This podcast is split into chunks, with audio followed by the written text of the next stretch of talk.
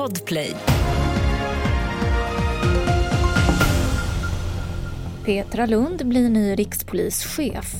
Hovrätten gjorde fel i den så kallade snippadomen, det slår Högsta domstolen fast.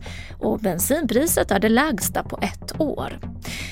Här är senaste nytt. Idag meddelade regeringen att Petra Lund, tidigare riksåklagare och nuvarande hovrättspresident för Svea hovrätt, blir ny rikspolischef. Petra Lund, som tillträder sin nya post den 1 december, säger att hon är hedrad över uppdraget men att det kommer att bli utmanande.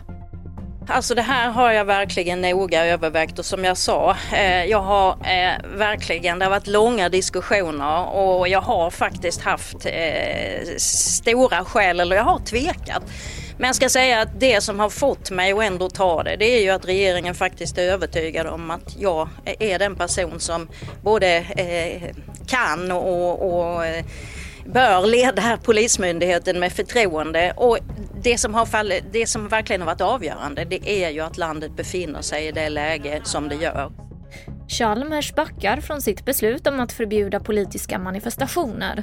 Förbudet, som meddelades tidigare i veckan, har mötts av kraftig kritik och nu meddelar skolledningen att politiska manifestationer kommer att tillåtas på campus och i skolans lokaler under förutsättning att de meddelats i förväg.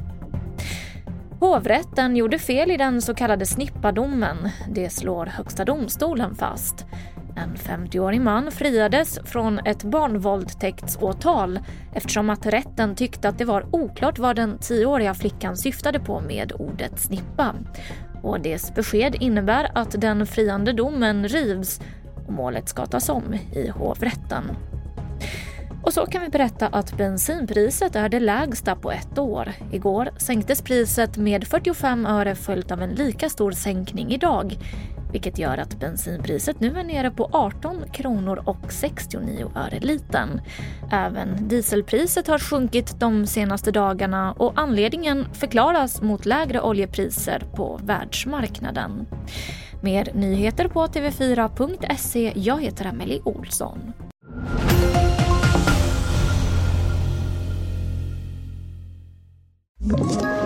Ett poddtips från Podplay.